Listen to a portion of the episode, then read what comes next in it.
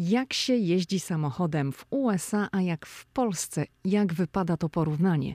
Dziś, w trzynastym odcinku podcastu Ameryka i ja, będę porównywała sprawy związane z prowadzeniem auta w Ameryce i nad Wisłą. Dzień dobry i zapraszam na najnowszy odcinek. Lidia Krawczuk. Ameryka i ja.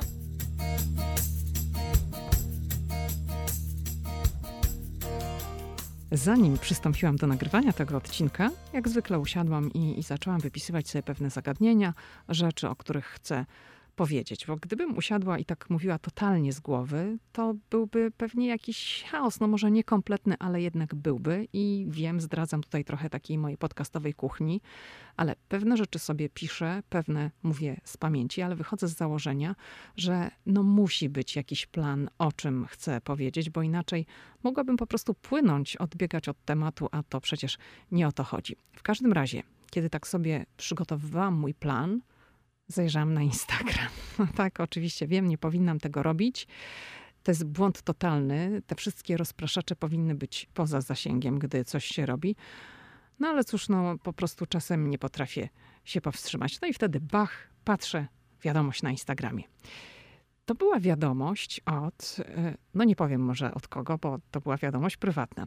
No ale to mogę powiedzieć tylko tyle, że to jest młody człowiek, młody mężczyzna, który mnie tam obserwuje na Instagramie i czasem wyśle mi jakąś wiadomość.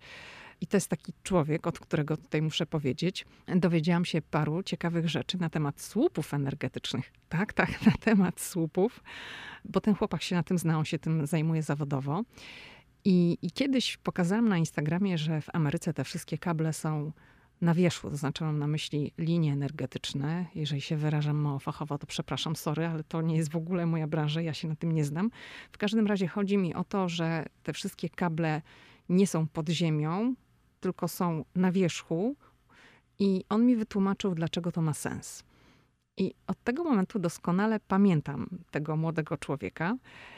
I wtedy tak sobie siedziałam nad tym podcastem, wypisywałam sobie różne punkty, o czym będę mówiła. I on się nagle odzywa, ciach i wysyła mi zdjęcie, że słucha mojego podcastu w samochodzie. I widać, że stoi przed przejściem dla pieszych i tam ktoś przychodzi. I myślę sobie, o kurczę, no w samą porę mi to przysłał, bo o tym też muszę powiedzieć. Jak to wygląda e, z pozycji kierowcy, z pozycji pieszego przechodzenie po przejściu dla pieszych w Polsce i w Stanach. I to było takie e, sympatyczne, on się wstrzelił idealnie sobie wtedy zapisałam punkt. O, o tym też powiedz. Ale do rzeczy, teraz już jedziemy z tym porównywaniem, jak to jest prowadzić auto w Stanach, a jak w Polsce. I muszę tutaj od razu zaznaczyć, i będzie to może nawet zaskakujące, że w Polsce jeździłam samochodem o wiele więcej niż w Ameryce.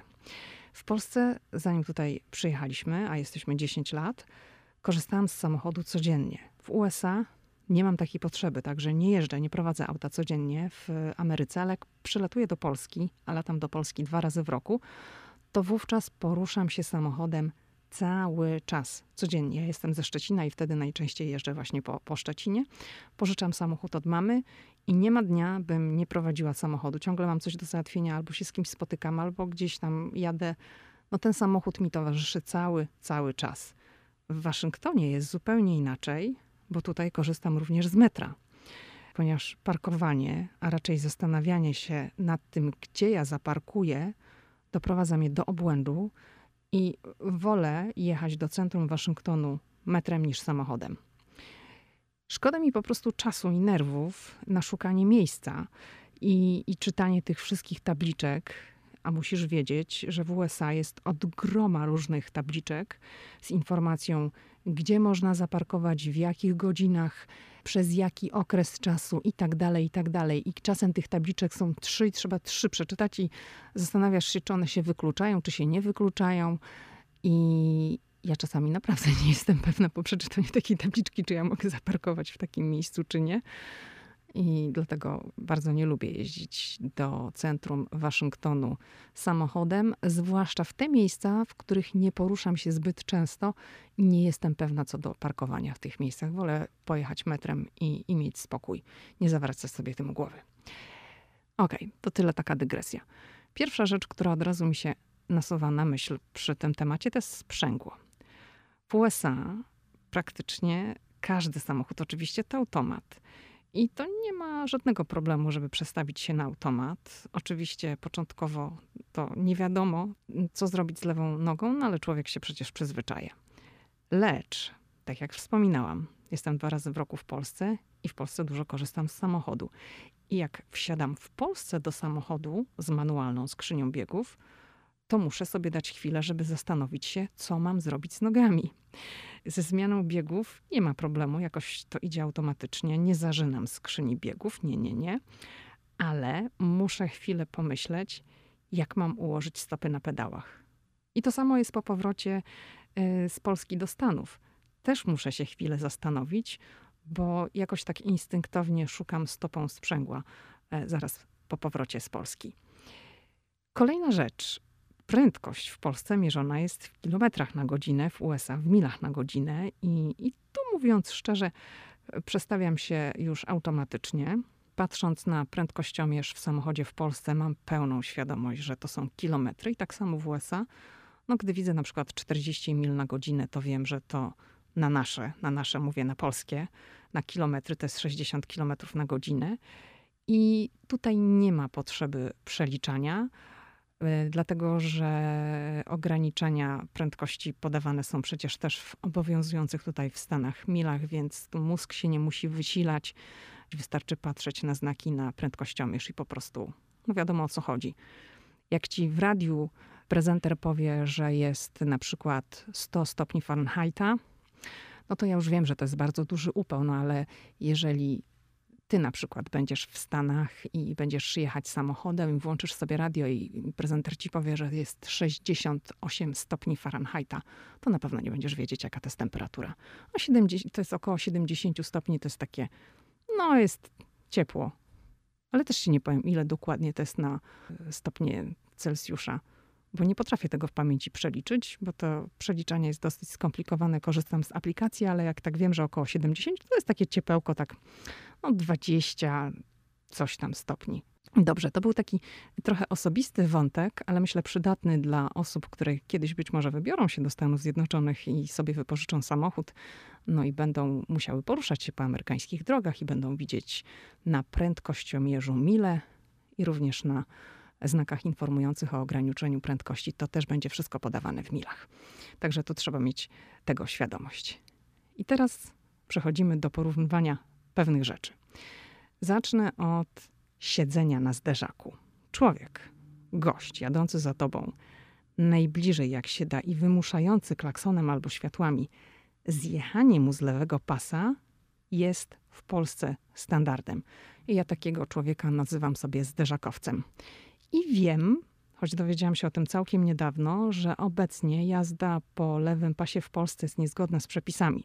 Jak wyjeżdżałam z Polski w 2009, to jeszcze tego nie było. Jednak zauważam w Polsce, że, no, że taki zderzakowiec dostaje szału dosłownie i wymusza na mnie, bo będę mówiła o sobie, jak jadę w Polsce, zmianę pasa, nawet gdy ja się ośmielam pojechać kawałek, bo zaraz na przykład będę z tego lewego pasa skręcać w lewo, to już po prostu ten ktoś za mną dostaje białej gorączki. No w USA taki zderzakowiec to zszedłby na zawał z nerwów, ponieważ w Stanach Zjednoczonych poruszanie się po lewym pasie nie jest zarezerwowane. I tu gdybym mogła zrobić cudzysłów, to ja tak robię w powietrzu. Cudzysłów. Czyli nie jest to zarezerwowane dla mistrzów kierownicy oraz prędkości i nie ma tutaj w Stanach tego typu zakazu. Zawali drogi na lewym pasie w Ameryce nie są niczym dziwnym. No i przyznam szczerze, że czasem bywa to irytujące, że ktoś po prostu jedzie, jak zawali droga po lewym pasie, no ale tak tutaj niektórzy robią i nic nie zrobisz. Ale kultura jazdy jest jednak trochę inna i no tutaj tak się nie trąbi na takich ludzi, nie wymusza się światłami e, zmiany pasa. No, ludzie jednak inaczej się zachowują niż w Polsce w tej kwestii. No i to tyle by było, jeżeli chodzi o lewy pas. Teraz powiem o zachowaniu przy przejściu dla pieszych. To jest właśnie to, co mówiłam na wstępie o tym zdjęciu, które dostałam. Otóż przepuszczanie pieszych stojących przy przejściu jest w większości amerykańskich miast normą Mówię w większości, bo na przykład w Nowym Jorku, zwłaszcza na Manhattanie, wymuszają wszyscy i piesi, i kierowcy. Piesi notorycznie przechodzą na czerwonym świetle, kierowcy pchają się przy prawoskręcie mimo obecności pieszych na pasach. Ale ogólnie Amerykanie dojeżdżając do przejścia, zwalniają i ustępują pieszym. Wtedy jak dostałam to zdjęcie, to tam też ten człowiek stał i przepuszczał. Także to wszystko było bardzo, mm, bardzo ładnie. I ja przez te kilka lat nauczyłam się jednak tego, żeby mieć tutaj w Ameryce ograniczone zaufanie. I to nie chodzi o to, że ja się boję wariatów za kółkiem, bo tutaj tak ich się nie spotyka. Natomiast boję się, i myślę, że to jest wszędzie, boję się kierowców, którzy gapią się w telefony albo wysyłają wiadomości i którzy po prostu zapominają, że są za kierownicą i nie uważają. Co z tego, że zatrzyma się 9 na 10 kierowców, skoro ten jeden musi akurat klepać coś w klawiaturę i, i po prostu nie zauważy, że wjechał na przejście dla pieszych, na które w tym momencie wchodzę ja. I muszę też powiedzieć, że w Polsce ostatnio też mam całkiem dobre doświadczenia w tej kwestii. Kierowcy zatrzymują się, ale podkreślam, że to są moje doświadczenia, nie wiem jakie są Twoje. Jest jednak jedna i to bardzo zasadnicza różnica. Otóż kierowcy w Polsce zatrzymują się dosłownie przed samym przejściem dla pieszych, bardzo blisko. W USA to wygląda inaczej. W USA kierowcy zachowują odległość i to jest zazwyczaj kilka metrów. I sama również tak postępuję, odkąd tu mieszkam. Tak samo robię w Polsce. Gdy widzę z daleka osobę przy przejściu, to zatrzymuję się kilka metrów przed przejściem. No, człowiek na przejściu czuje się dzięki temu pewniej, bezpieczniej. Sama się tak czuję, e, będąc pieszym. I tobie również bardzo polecam stosowanie się do tej zasady. Jedziesz, przyhamuj, daj przestrzeń ludziom na pasach i myślę, że jeżeli ty będziesz przechodzić na przejściu dla pieszych, to też lepiej się poczujesz, jeżeli kierowca zatrzyma się kilka metrów przed przejściem, a nie dosłownie przed tobą. No niestety w Polsce pieszy musi czasami na kierowcy to zatrzymanie przed przejściem wymusić i wtedy koła zahaczają o pasy albo w ogóle połowa auta stoi na pasach. To jest wszystko kwestia nawyku. Ja się tego nauczyłam w Stanach i uważam, że to jest y, bardzo dobry nawyk i naprawdę tobie też, też polecam. Kolejna rzecz, dojeżdżanie do skrzyżowania. Zasadnicza różnica między polskim a amerykańskim skrzyżowaniem jest taka, że sygnalizator świetlny w USA znajduje się za skrzyżowaniem, a nie jak w Polsce przed skrzyżowaniem. I początkowo musiałam się bardzo pilnować, żeby nie wjechać autem na skrzyżowanie, ponieważ byłam przyzwyczajona, że do sygnalizatora trzeba dojechać, a potem zadzierać głowę, by dostrzec zmieniające się światło. Teraz w Polsce wiem, że to też się już troszeczkę zmieniło i często są dwa sygnalizatory.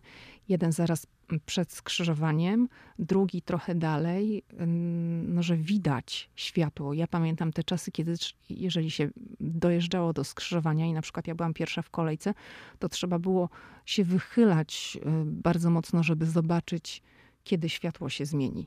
I z perspektywy czasu oceniam, że sygnalizator y, umiejscowiony za skrzyżowaniem jest lepszy, no po prostu lepiej go widać.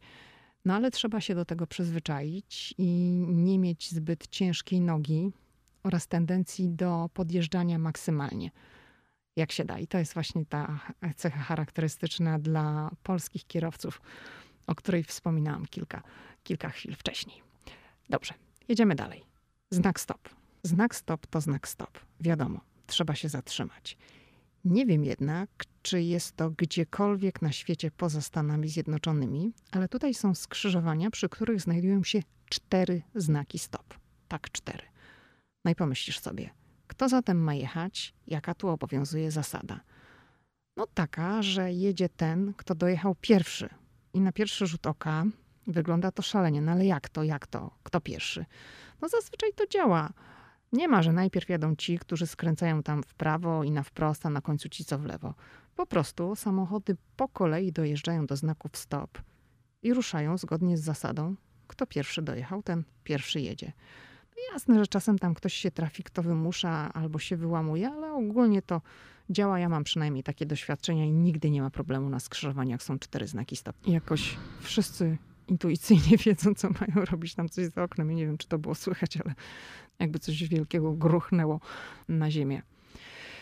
Może będzie słychać. W każdym razie jeszcze jedna rzecz. Jak zatrzymuje się przy przystanku autobus szkolny, to też zatrzymują się wszyscy, dopóki autobus nie ruszy. Nawet kierowcy jadący w przeciwnym kierunku, nie tylko ci stojący za autobusem, i o tym musisz też pamiętać, jeżeli będziesz kiedykolwiek w Stanach Zjednoczonych, będziesz poruszać się samochodem, wypożyczysz sobie auto, będziesz na wakacjach, niezależnie od okoliczności, to jeżeli widzisz autobus szkolny, który się zatrzymał, a ty jedziesz w przeciwnym kierunku, to też musisz się zatrzymać, bo dzieci będą wysiadać i nie można wtedy jechać. Dobrze, to teraz porozmawiajmy o używaniu klaksonu. Rzekłabym, że polscy kierowcy są dość nerwowi. Ja sama byłam dosyć nerwowa. Kiedyś, jak jeździłam w Polsce samochodem i też mi się zdarzało nadużywać klaksonu. Ale no, odkąd mieszkam tutaj, to jednak to się zmieniło. I zauważam właśnie, jak jestem w Polsce, że kierowcy w Polsce to cię wytrąbią przy każdej możliwej okazji. W USA nie używa się tak zajadle klaksonu, choć Ameryka to wiadomo e, kraj imigrantów, no i czasem tutaj górę bierze DNA, czyli to, co kto ma we krwi, no bo wiadomo, człowiek jest człowiekowi nierówny. Pięć osób poczeka zatem chwilę, gdy się zagapisz, albo zatrąbi cicho i tak delikatnie, a szósta przyłoży rękę do klaksonu i ryknie tak, że po prostu podskoczysz jako parzony. Ale ogólnie nie ma takiego klaksonowego szału jak w Polsce i muszę tu jeszcze też podkreślić uczciwie, że to wszystko, co powiedziałam, nie dotyczy Nowego Jorku. No w Nowym Jorku kierowcy trąbią jak opętani i w ogóle jazda po Nowym Jorku to jest, to jest dla zaawansowanych. Naprawdę. Ja po Nowym Jorku jeździłam raz w życiu i mówię: Dziękuję bardzo, nie jestem zainteresowana. Wolę być pasażerem, niech mój mąż się użera z tymi kierowcami, którzy się wpychają, trąbią, wymuszają, machają coś tam przez okno. A jeszcze jak widzą, że masz e, rejestrację samochodu z innego stanu, to już w ogóle wiedzą, że ty nie jesteś z Nowego Jorku, to, to już tam jest jazda. Ja tutaj jestem, stąd ja jestem pierwszy, ja się wpycham, ty w ogóle czekaj 100 godzin i ja się tobą nie przejmuję. Także tak to wygląda w Nowym Jorku i ja naprawdę mam to gdzieś. Ja wolę w tym czasie zrobić sobie jakieś wideo na Instagram na przykład, e, a nie się użerać z kierowcami w Nowym Jorku. Także raz sobie pojeździłam po Manhattanie, po Nowym Jorku, powiedziałam dziękuję bardzo. Nie, nie, nie. I jeżeli jesteśmy w Nowym Jorku, to ja tam nie prowadzę samochodu. Mówię nie, dziękuję bardzo, nie jestem zainteresowana. Do widzenia. Następny punkt na naszej liście: jazda po alkoholu. I tutaj różnica jest znaczna, przede wszystkim wynikająca z tego, że w Polsce jazda po wypiciu jakiejkolwiek ilości alkoholu jest przestępstwem. W USA prawo w tej kwestii jest bardziej liberalne. Wszystko zależy oczywiście od stanu, po którym się poruszamy, ale w wielu, nawet chyba powiedziałabym w większości, dopuszczalna ilość alkoholu to jest 0,8 promila. Czyli po wypiciu tam, nie wiem, kieliszka wina, puszki piwa, to ludzie tutaj wsiadają do samochodu i, i jadą. Czyli jedziesz na kolację do znajomych i wypijesz kieliszek wina, może nawet dwa, to, to możesz prowadzić y, samochód, możesz wypić piwo i, i również auto prowadzić. No i chociaż to jest dopuszczalne, to ja wcale nie jestem zwolenniczką takiego rozwiązania. No po prostu całe życie mnie uczono, że po alkoholu się nie prowadzi. Fakt jest jednak taki, że w USA nie pije się tyle, co w Polsce, a zwłaszcza mocnego, wysokoprocentowego alkoholu. I osób zataczających się na ulicach też się nie widzi. To jest właśnie dla mnie bardzo ciekawe, że jak przyjeżdżam do Polski, to jednak ludzi zataczających się, nietrzeźwych na ulicy widać. W Stanach, a może będę mówiła tutaj, gdzie ja żyję, w Waszyngtonie, to ja chyba nigdy nie widziałam. Nie, przepraszam. Widziałam po y, wyborach, raz chyba to było przed Białym Domem. No i tam było parę osób pod wpływem alkoholu, to było widać, ale tak ogólnie to się tak nie widzi, zwłaszcza w ciągu dnia. Bo w ciągu dnia w Polsce to można jednak spotkać kogoś, kto tam się zatacza, jakiegoś pana zazwyczaj, chociaż panie też czasem. Natomiast tutaj w Stanach to się takich ludzi nie widzi. I czy zdarzają się wypadki, których powodem był alkohol? Oczywiście, że tak. Oczywiście, że się zdarzają, natomiast skala tego w Stanach jest zupełnie inna, o wiele mniejsza. niż w Polsce. Dobrze, to teraz porozmawiajmy o parkowaniu. Już mówiłam e, wcześniej, że nie lubię jeździć do Waszyngtonu samochodem, ponieważ te wszystkie tabliczki, zakazy, informacje, gdzie można, ile, jak długo i tak dalej, przyprawiają mnie o ból głowy i dlatego unikam jazdy samochodem do Waszyngtonu, jeżeli nie wiem, że w jakimś miejscu będę mogła zaparkować. Mam znajomego w Polsce, który namiętnie fotografuje samochody zaparkowane na miejscach dla osób niepełnosprawnych, na chodnikach, przejściach dla pieszych i potem umieszcza te zdjęcia na Facebooku, wysyła je też do Straży Miejskiej. To ma taką swoją misję. I on tak walczy z kierowcami. I jak się ogląda te zdjęcia, no to czasem aż trudno uwierzyć, że ludzie naprawdę potrafią postawić samochód w takich dziwnych miejscach. No widziałam też mnóstwo takich e, sytuacji w Polsce na własne oczy. W USA takie rzeczy się nie zdarzają, a jeśli się zdarzają, to taki samochód jest szybko odholowywany. Ponieważ w USA wszystko to jest biznes i odholowywanie samochodów również.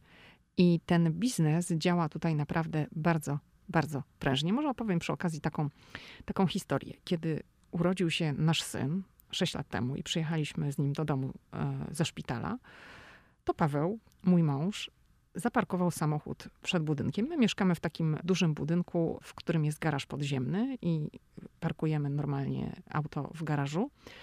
No ale wtedy Paweł zaparkował samochód przed budynkiem, bo miał potem jeszcze pojechać do sklepu, coś kupić. No wiadomo, dziecko się urodziło, ciągle coś trzeba. I następnego dnia mieliśmy pojechać z dzieckiem do lekarza. Kazali nam przyjechać, przywieźć syna. No i zjechaliśmy do garażu, ale nie ma samochodu. No i wtedy nam się przypomniało, że auto zostało zaparkowane dzień wcześniej przed budynkiem, no ale Paweł nie pojechał po żadne zakupy, więc go nie przeparkował. No już wtedy wiedzieliśmy na 100%, że samochodu tam nie będzie, że został odholowany, ponieważ przed budynkiem, tym, w którym mieszkamy, w nocy nie może parkować żaden samochód. Podkreślam, żaden. Do 23 wszystkie muszą zniknąć. Po tym czasie każde auto jest odholowywane przez firmę holowniczą. Nie ma wyjątku, nawet jeżeli tu mieszkasz, nikogo to nie obchodzi. Taka jest zasada i tak ma być. Mimo, że są miejsca, tam chyba ponad 20 miejsc do parkowania, to nikt nie ma prawa tam parkować w nocy. Nie stosujesz się, to ci odholują. Nie będą sprawdzać, czy to jest może samochód należący do kogoś, kto mieszka w tym budynku, czy to jest samochód jakiegoś człowieka, który przyjechał tu w odwiedziny nie stosujesz się do zasady, to ci odholują. No i my wtedy telefon po taksówkę i z tym noworodkiem do lekarza taksówką. No, w Ameryce to nie ma tak, że sobie zadzwonisz przed wizytą lekarską do lekarza i mówisz, że nie możesz albo w ogóle nie przyjedziesz. Obciążą cię za tę wizytę. Wizytę można odwołać, przełożyć z określonym wyprzedzeniem. Często to jest co najmniej 48 godzin, czasem 24. I to musi być już naprawdę jakaś wyjątkowo losowa sprawa żeby gabinet lekarski, szpital zgodził się, żeby to przełożyć. Odholowali nam samochód. Sorry, ale to była nasza wina i nikogo by to nie obchodziło. Także no, doświadczyliśmy tego parkowania niezgodnego z zasadami. Odholowano nam samochód, wtedy trzeba było e, pojechać, odebrać samochód. To chyba kosztowało za, zaholowanie 150 dolarów. Boli, no ale nie ma wyjścia. Chcieliśmy dostać samochód z powrotem, to trzeba było zapłacić i żadne tłumaczenie tutaj nie pomagają, po prostu. Tyle. Człowiek uczy się na błędach i już teraz nigdy nam się nie zdarzyło, żeby zostawić auto na noc. No już teraz pamiętamy. No taką dostaliśmy lekcję. A wracając do, do parkowania, to miejsca parkingowe w USA są na wagę złota. Więc jeżeli stawiasz auto tam, gdzie nie masz prawa, to zaraz podjedzie laweta, która ci no, szybko to auto zgarnie. No i Amerykanie respektują tę zasadę, tak samo jak respektują zasadę, że nie wolno parkować przy hydrantach, bo za to też są wysokie kary. I teraz słowo o przestrzeganiu przepisów w USA. I tu moim zdaniem dochodzimy do sedna sprawy. Czy Amerykanie łamią przepisy? Jasne, że tak. Ale piraci drogowi, których w Polsce jest mnóstwo, są tutaj jednak w zdecydowanej mniejszości. Ktoś może przejechać obok ciebie szybko, no ale to jednak nie będzie taki pęd jak po torze wyścigowym, co się zdarza w Polsce. I Amerykanie oczywiście, że przekraczają dozwoloną prędkość i tak jak Polacy płacą za to mandaty i łapią punkty karne.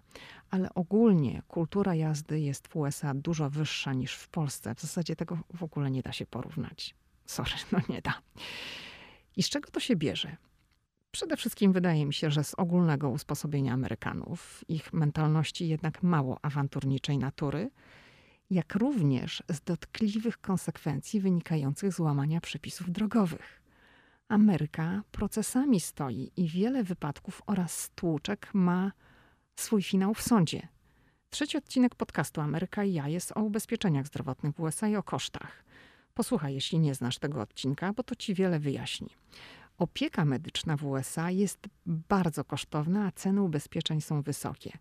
Tak więc, jeśli spowodujesz wypadek, w którym ktokolwiek dozna jakiegokolwiek uszczerbku na zdrowiu, to najpewniej zostaniesz pozwany do sądu. A wówczas ten, kto został poszkodowany, może domagać się, byś pokrył koszty leczenia, jak również wnioskować o odszkodowanie dla siebie z powodu uszczerbku na zdrowiu fizycznym bądź psychicznym, czy utraty zarobków, bo na przykład nie może chodzić do pracy. Bez prawnika nie dasz rady, więc już masz koszty. Dobre ubezpieczenie komunikacyjne jest tu kluczowe. Należy jednak też pamiętać, że Twoja firma ubezpieczeniowa też będzie patrzeć na okoliczności wypadku oraz Twój w nim udział i może odmówić pokrycia kosztów, a wówczas z rachunkami zostajesz Ty. Jeszcze jest jedna rzecz. Jeśli na przykład złamiesz jakiś przepis, przekroczysz prędkość, czy, czy wyślesz wiadomość w trakcie jazdy samochodem i zostaniesz złapany, dostaniesz mandat. Ale to nie koniec.